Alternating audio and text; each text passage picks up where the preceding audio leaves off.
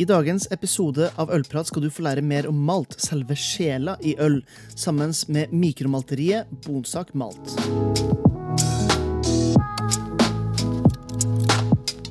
Hei, ølentusiaster, og velkommen til Ølprat, podkasten som serverer ølkunnskap og entusiasme rett i øret ditt.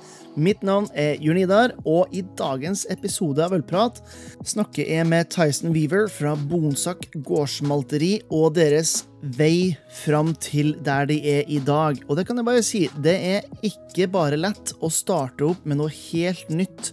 Rett og slett bokstavelig talt upløyd mark var det som møtte gjengen oppe på Bonsak gård. Og veien fram til dit de er i dag, har vært lang, utfordrende men har gitt et fantastisk resultat som du kan smake i øl rundt om i hele Norge.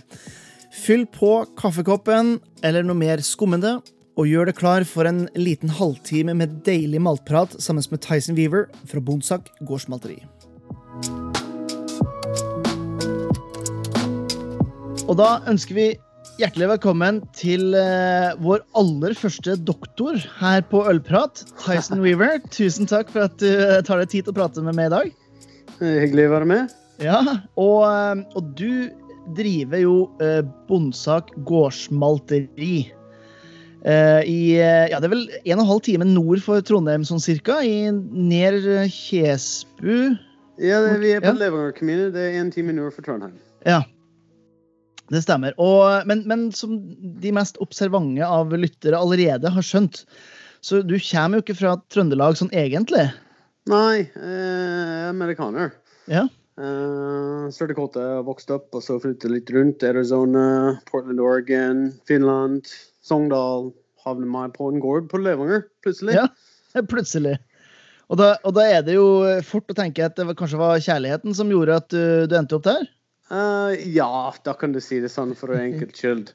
ja. uh, dama bestemte seg å ta over gården og være en fulltidsbonde, uh, mm. da var jeg nødt til å være med på det neste eventyrlivet mitt. Så da ja. jeg drive med korn og slaktekylling og nyliste malt i løpet av de siste to årene.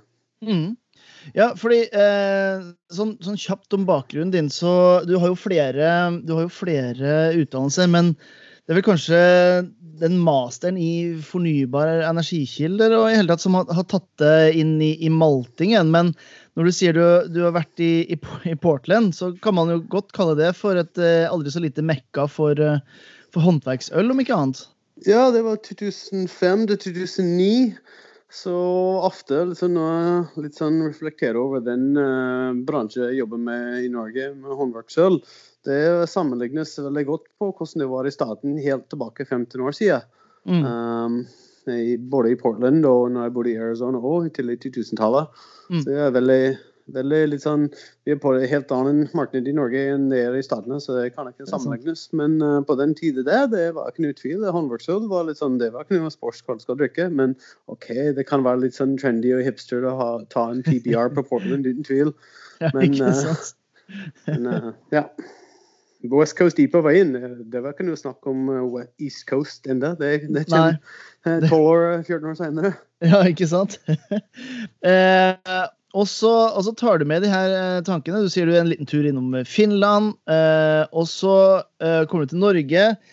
Og, og, så starter du malteri. Og da er jo det naturlige spørsmålet mitt. Altså, hvorfor starter du ikke et bryggeri, da? Med hensyn til at uh, du har en historie fra måte, et av de beste ølstedene i, i, i statene? Det er pga. at vi har et annet tilnærming til bryggeribransjen når vi driver med kornproduksjon. Mm. Når du driver med kornproduksjon, du tenker OK, vi, vi skaper et ressurs, vi skaper et produkt. Det heter bygg, og det er korn. Og det er bare å forlate gården for å gå til eh, kraftfôr for å forsyne Norges eh, mattallerken med billig svinekjøtt. Ja. Og det er litt synd. Det er veldig synd. Så sånn kjæresten min hun var litt sånn Ja, men hva ellers kan vi gjøre med bygg, da? Kan vi gjøre sånn og sånn? Så oi, sånn, hvis vi foredler litt malt, så kan vi selge det til bryggerier. Det ble mer og mer bryggerier etablert de siste par årene. Kanskje det er noe som vi bør kikke litt eh, videre på. Så mm. det var helt tilbake i 2015. Mm. Så da kom vi raskt i gang i 2016 med kunnskapsutbygging og litt sånn forståelse hva det handler om, hva, hva må kreves, hva må få til for å, for å gjøre dette her. Mm. Så det var en veldig langt løp uh, fram til uh, første produksjon. Men Mm. grunnen vi gikk for et malteri istedenfor et bryggeri, at vi har alle kornbehandling-infrastrukturer på plass. Korntørker, siloer, uh, gårdsvarme, traktorer, tresker.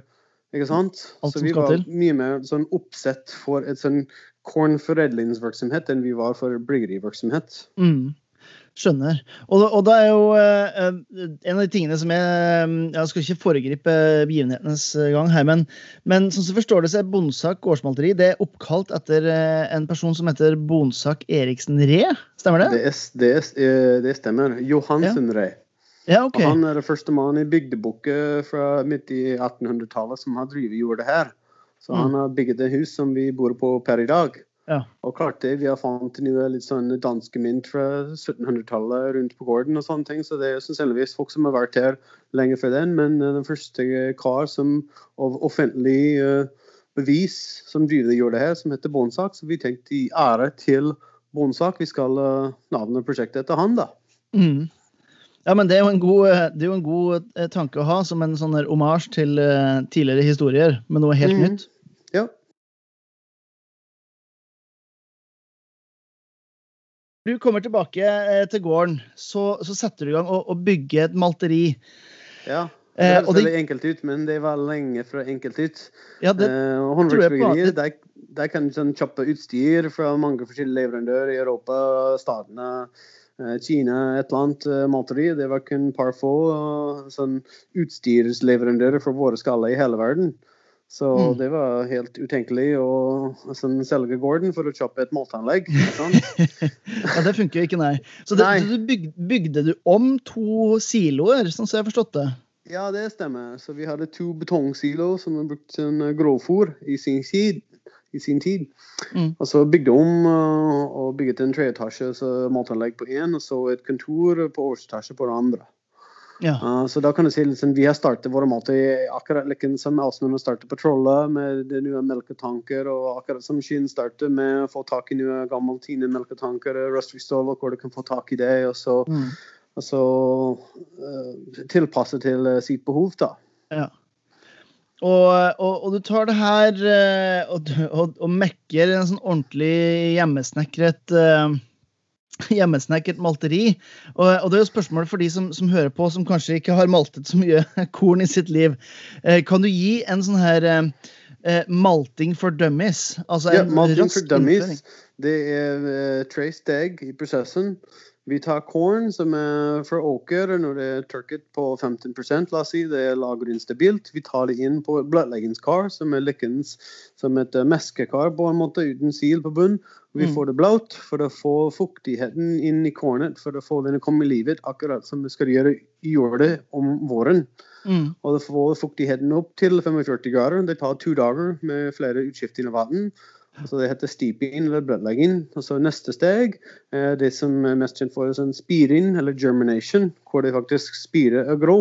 Mm. Og det er liksom hvor alle biologiske prosessene pågår som uh, omdanner enzymer et er avhengig på for meskeprosessen. Mm. Og så etter det har grodd for uh, lenge nok, kanskje fire, fem, seks dager, avhengig på produktet og flere faktorer, da skal vi stoppe prosessen med å tørke det.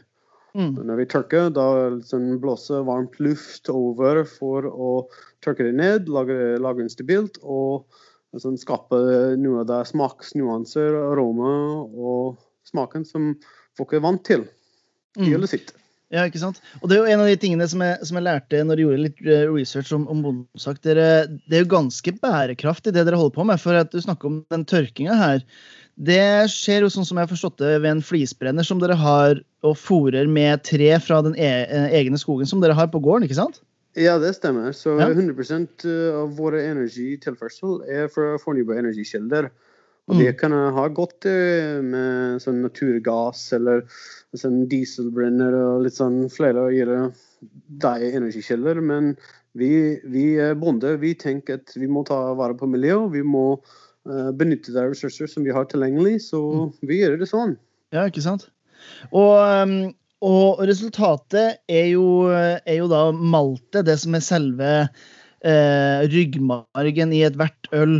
Uh, og, og, det er jo litt lett å se hvis man er en nyfrelst ølentusiast, så er man jo gjerne opptatt av uh, hvilken type humle det er, hvor fersk det er, og hvilken spesialingrediens er det i hele tatt. Og, og, jeg har jo en, en, følelse av at malt egentlig blir litt sånn oversett i den store sammenhengen. Det har vært sånn for ganske lenge, og da kan du mm. si at malt er sjelende ølet. Mm. Ikke sant? Uten malt, hva, hva, har du? Et sånn vann med kuler. Ikke ja. sant? Så det, det, er ikke noe godt med det da.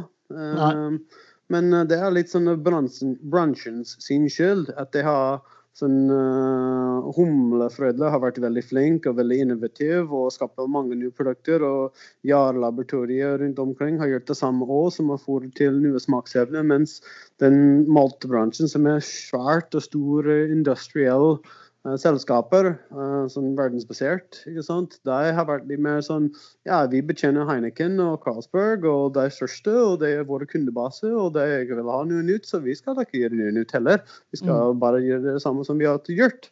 Så det har vært litt sånn fòret til at det er behov for noe nytt. Nye smaksnuanser, nye produkter.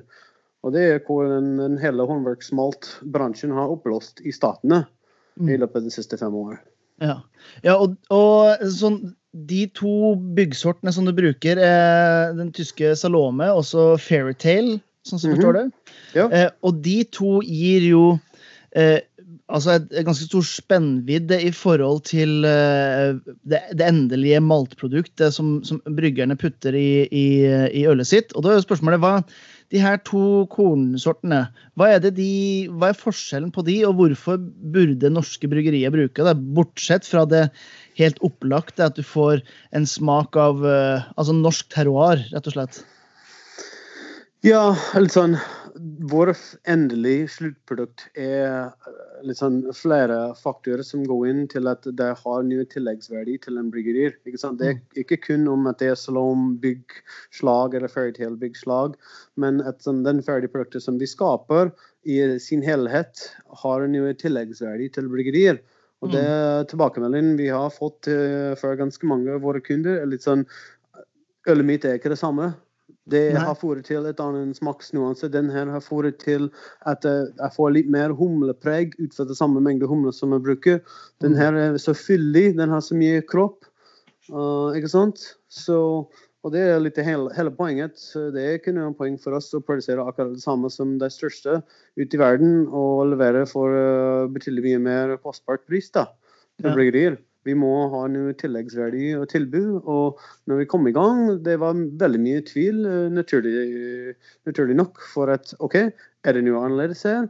Kan det være stabilt? Kan det være kvalitet? Skal vi få det samme smak? Skal vi få det samme utbytte? Hva er annerledes? Men heldigvis, bransjen er veldig opptatt med innovasjon. Bransjen er mm. veldig villig å, å prøve nye ting. da. Altså, det er ikke så veldig imot å bare prøve for å forstå hva de opplever, hva som er forskjellen. Og det mm. har fått til at vi har eh, skaffet ganske mange kunder et uh, rykte her rundt. at den her er kvalitet, den her er jevnt. Og så det egentlig tilbyr noe nytt til eller mitt som jeg kan ikke få fra noen andre produsent i hele verden. Mm. Ja, og akkurat den, der, den innovasjonsbiten der, den, eh, den virker litt sånn som, som Bondesak også har har, uh, har, tatt til hjertet. fordi at uh, Når man tenker malt, så er det jo selvfølgelig du har pale, og du har pilsnermalt, og du har karaffa og, og, mm. og krystall i hele tatt. Men, men, du har jo også eksperimentert en del med, med nye type malts. Ja, vi har en Gords malt, altså en gammeldags, tenk 200 år tilbake, hvordan en saison skulle ha smakt i Belgia når de jobber ute i åker og slår høy. Vi mm. har et maltslag som passer til den formen, men altså passer til sørøl. Mm. Og vi har gått på den andre, Det er veldig luslag. ikke sant? Og på den andre siden vi har laget vår egen Special N. Special B er en Special Belgium. Mm. Veldig kjent i hele verden. Men vi tenkte ok, kanskje på tide vi har en sånn Special Norwegian. Ja. Special N. Og det liksom sånn passer utmerket godt til juleøl. Og juleøl er veldig sterkt i hjertet til de fleste nordmenn. ikke sant? sant? Sånn marsipan og dadler. og Eh, nøtter, rosiner, den, den strekken der. Med en mm. sånn fin, uh, mørk, rosa farge. Så Eh, Men sånn, det er fordelen for å være smått som oss, at vi kan drive med innovasjon uten å tape 200 tonn i slengen som det største. ikke sant? Ja. Så vi er nødt til å ta innovasjon til hjertet og drive med innovasjon på alle kanter for å skape verdier for våre kunder. Mm. Hvor, får du da inspirasjonen for denne typen eksperimentering eh, fra, fra din side som malter? Ja, godt spørsmål.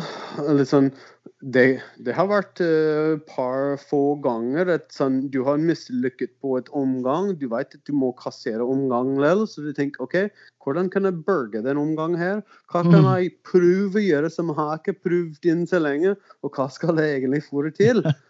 Så det er litt sånn uh, 'accidents are the mother of innovation', eller noe sånt. ja. Så det har vært et par få sånn, men på den andre siden, vi har hatt nye par få kunder som har bedt å få en matslag som har spesifikasjoner sånn og sånn og sånn, med en smaksutbytte sånn og sånn og sånn, og sånn utfordrer oss å forstå hvis vi kan klare å levere den produktet, og det har sånn, det har vært litt inspirasjon også, så det er også en sånn samtale mellom oss og våre kunder, den samarbeid for å tenke på nytt da. Mm. ja, så det er et, et eh, samarbeid på, som, som gir og tar, på en måte. Ja, ja, så klart. Mm. Og, og det må jeg jo si, det er jo en ting jeg, så med fascinasjon og, og ble litt sånn småimponert når jeg var og besøkte Tommy Holen Helland på Gulating eh, i, oppe i Trondheim, på Byhaven der. Og så står det jo merka de ølene som er laga med bonsakmalt, Eh, På Mhm. samme måte som du òg har jo kjørt tap takeover med øl som er kun brygga med Bonsak-malt. Du, du har jo masa det til at jeg og du skal prate sammen, selv om du har stått på blokka mi ganske lenge. Du har jo en helt annen måte å, å tenke på det her på enn det virker som veldig veldig mange andre har, da. Ja, eh, jeg vet ikke hvordan jeg skal svare på det, men poenget er at eh, vi må være synlige i markedet, ikke sant? Og vi må være synlige at, sånn, for å få det, det flest ølkonsumenten å forstå det er 100% råvare importert per i dag for norsk håndverksøl, og det har ikke vært noen andre mulighet før nå. Så hvordan skal det sluttkonsumenten forstå at litt sånn her, her er ikke kun et norsk bryggeriprodukt, men det er også med norsk råvare dyrket her i Norge og foredlet her i Norge. Mm. Og det er noe av den hovedbudskap som vi alltid ville få fram. at sånn, Det er ikke kun et norsk bryggeri som brygger dette, her, men det er bryggeri som brygger norsk råvare. Mm. Og da var vi nødt til å få den budskapen ut det brygger med bondsakmat for Trøndelag. Og det er ganske mange av våre kunder har tatt opp eh, den eh, logoen som vi tilbyr til de som uh, chopper malt for oss, for å Mm. få den budskapen ut til eh, sluttkonsumenten. Men jeg tror det var Anders Christensen eller noe sånt, og han skrev en uh, the, the Fortid Øl, jeg husker ikke hva det heter for noe. Men han sin blogg, men han, han hadde noen sånne små kommentarer. Liksom. Det har vært et slags sånn kultstatus for å brygge med båndsakmat i Trøndelag. og og det, det er det vi vil gjerne være. å si det sånn. Ja, Ikke sant? Eh, Det er ikke for alle, men for deg som forstår det tilleggsverdi, eh, at de tilbyr noe nytt, noe annerledes, og rett og slett har fått til eh, mange brygger har klart å lage et bedre øl. Det er det som vi brenner for. ja det, det er rett og slett en merverdi og, og en uh, dypere forståelse for produktet som man prøver å få til. Mm. Ja, sånn, det har vært liksom, sånn, Bryggeri kun skulle ha påpekt uh, to år tilbake. Brygger med Azaka Cascade. Men du begynner å si mer og mer på etiketten. Brygget med Golden Promise. brygget med Bonsak Hopshiner Pale. Brygger Mm. med Ikke sant? Så liksom faktaopplysningen utover kun humle har vært kjempestas for markedet å forstå hva egentlig står oppi ølet deres at får til den smaksevne som de liker eller ikke liker. Mm. Og det er kjempestas.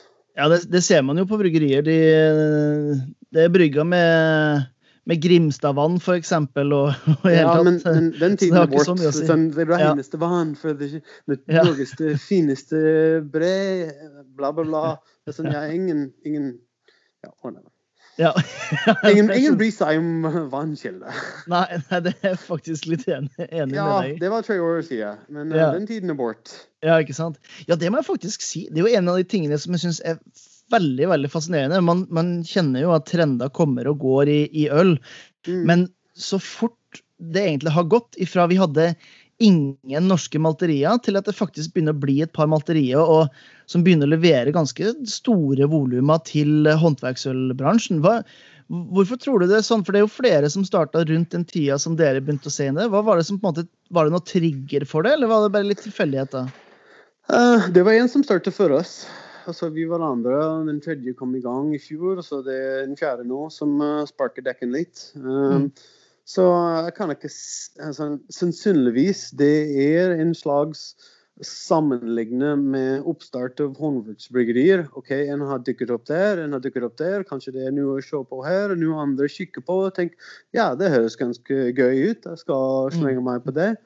Uh, men det er altså, vi har blitt kjent med ganske mange som spekulerte å starte opp og har jobba med deres prosjekter lenger enn oss, men aldri klart å ta den investeringsbeslutningen sjøl. Så det er ganske mange som har datt av. Men uh, sånn, i realiteten sånn, Norge sin håndverksbransje skal aldri uh, uh, drive med 100% innkjøp for Norge.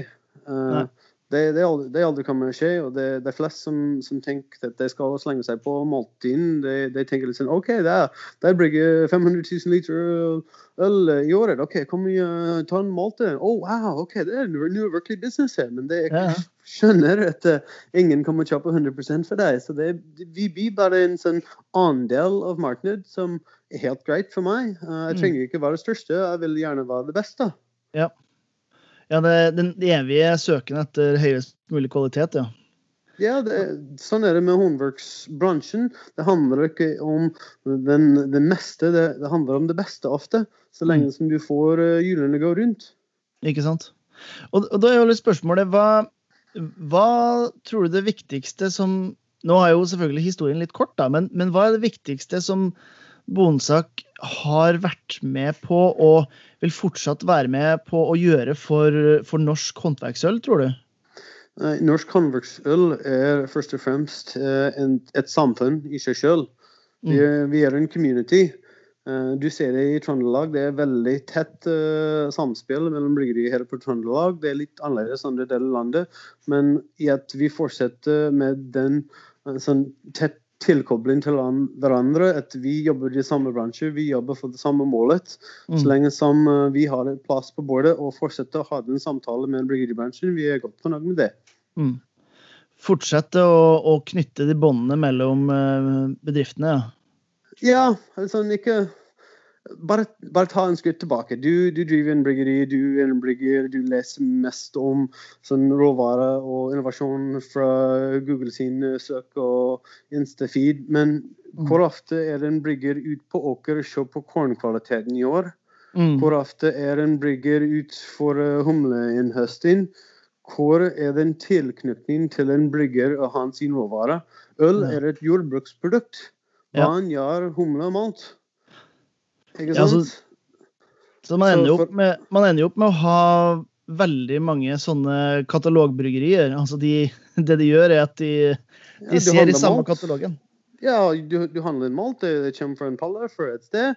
Du har ingen tilknytning til egentlig hvor kornet var dyrket, eller hvem har foredlet hvem har foreldre, hvordan den prosessen ser ut. Mm. Det er hvorfor våre dører er alltid åpne for alle våre kunder å og ta en kikke på. Vi har mm. kjørt den uh, hele veien og har hatt samlingen her, litt sånn kunnskapsdagen, for å formidle våre kunnskap videre til våre kunder om hvorfor velger vi Salome. Hvorfor ja.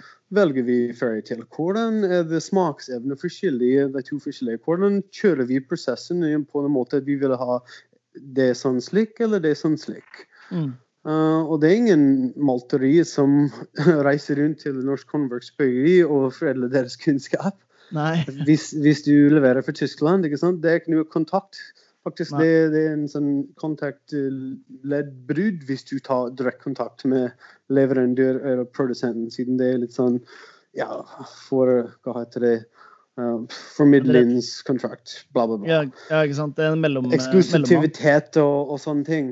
Mm. Så, men poenget er at uh, bryggerier uh, har veldig lite uh, direkte kontakt med produsenter som leverer deres råvarer. Kun mm.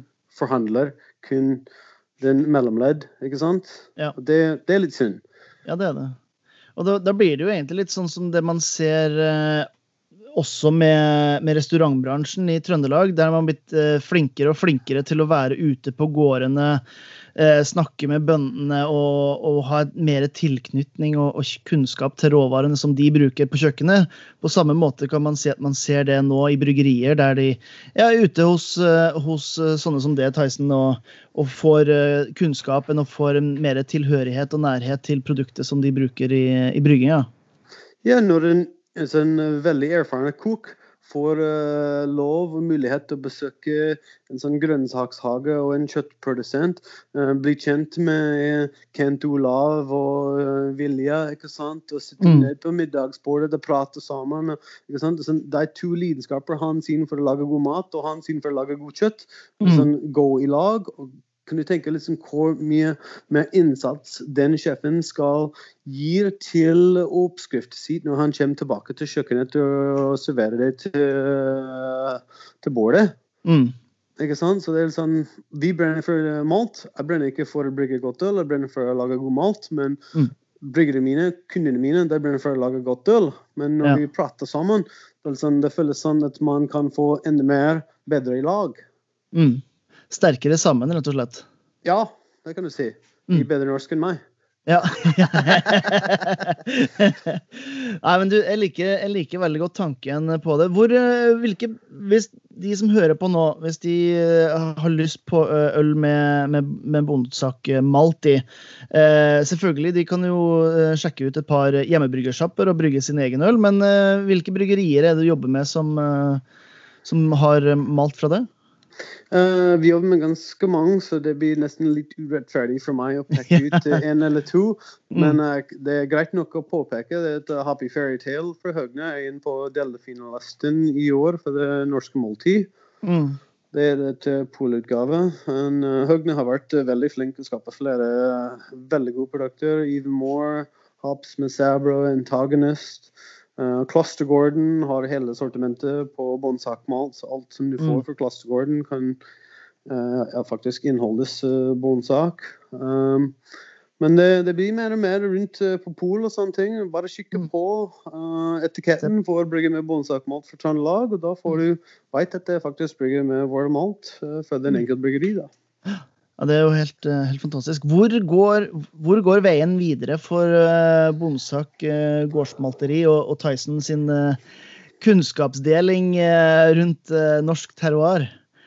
Ja, godt spørsmål. Vi sitter her og snakker om den tema akkurat nå, siste på middagsbordet. Um, mm. sånn, det har vært et løp de siste to åra å komme inn så langt, og vi er veldig takknemlige for at vi har kommet så langt i så kort tid. Uh, så vi er litt sånn usikre hvordan vi skal gå videre, men uh, så lenge som vi fortsetter å betjene våre kunder, og så lenge som våre kunder er fornøyd, vi skal bare fortsette den måten vi har gjort den så lenge, og det er å bygge tett forhold med kundene vårt, sikre at de lykkes ut på markedet med produktet sitt, og sikre at vi leverer den høye kvaliteten som de forventer hver gang. Mm. Ja, men Det høres ikke feil ut. Og Det er jo morsomt du sier det her med matbordet. for Jeg har jo ett standardspørsmål som jeg stiller alle som er på ølprat, og, og det er jo rett og slett Hvis du eh, ser for deg i dag eh, en, den beste øl- og matkombinasjonen du kunne tenkt deg, eh, hva, hva, tenker du da? Uh, Chateau Briand det er en sånn eh, vin-marinert eh, kjøtt over ganske lang tid på grilla. Mm. En sånn veldig saftig eh, biff da, med en eh, duché de beau, heter mm. det. Sånn Flanders, uh, Flanders Red Ale. Mm. Det er en uh, sånn lett surlighet med en fantastisk uh, maltkropp. Uh, helt utmerket. Ja, det høres slettes ikke feil ut, nei. det gjør det ikke. Du, Tyson, da vil jeg bare si tusen takk for at du tok deg litt tid til å prate med her på Ølpraten. Ja, det har vært veldig hyggelig å ha en vanlig samtale. Det føles som vi bare bare prater og prater. Kunne fortsette for to timers tid, men ja. uh, må avgrenses på et eller annet tidspunkt. Men uh, ja. takk for tilbudet. Det har vært hyggelig å, å ta opp denne. her. Ja, og så ser jeg fram til å, å smake enda mer øl eh, laga i Norge med norske råvarer i, i tiden framover. Det kommer å skje. Ja. Takk skal du ha. Takk skal du ha. Hei.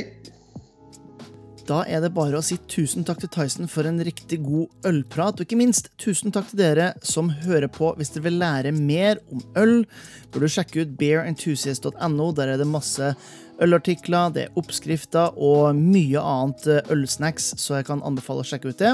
Eh, Eller så bør du også finne oss på Facebook, for der kjører vi bl.a. en del direktesendte ølkurs denne høsten.